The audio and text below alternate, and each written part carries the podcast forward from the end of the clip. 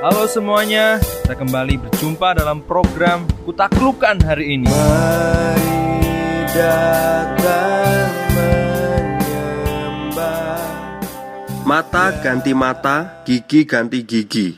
Hukum yang sering disalahartikan dan disalahgunakan. Untuk memahami hukum ini dengan baik, kita harus melihat konteks di mana hukum ini diberikan. Hukum ini diberikan kepada sebuah bangsa yang dijadikan budak selama lebih dari 400 tahun. Oleh karena itu, ketika orang-orang ini dibebaskan sepenuhnya, sebagian besar orang masih memiliki mental inferior atau mental budak. Perasaan rendah diri masih ada. Mereka tidak tahu yang namanya kesetaraan hak. Orang yang tidak mengerti kesetaraan hak harus diajar tentang kesetaraan hak. Maksud hukum mata ganti mata, gigi ganti gigi adalah untuk mengajarkan kesetaraan hak. Tuhan ingin mengajarkan kepada bangsa ini bahwa semua manusia setara di hadapan hukum Tuhan. Entah pemimpin atau bawahan, entah orang kuat atau lemah, mereka memiliki hak setara di mata hukum. Dan hukum ini dibuat untuk menguatkan budak yang ditunjuk jadi hakim atau pemimpin. Ketika budak jadi pemimpin, bisa timbul perasaan sungkan dan tidak menegakkan hukum dengan tegas.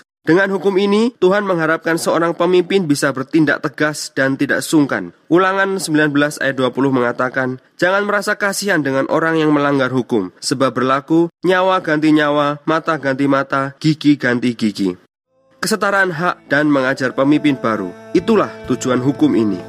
Tuhan memberkati.